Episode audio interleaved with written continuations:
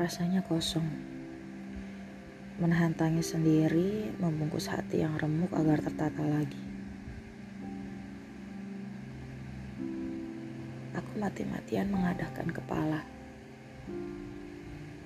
Saat bulir air akhirnya merekam menggelayuti pelupuk mata. Pelan kristal itu bergulir menggelinding menciptakan parit di pipi. Apalagi yang sebenarnya kurasa? Amarah? Kecewa? Lelah? Penyesalan? Atau apa? Aku terus bertanya-tanya rasa kosong ini dari mana? Udara hampa ini siapa pengirimnya?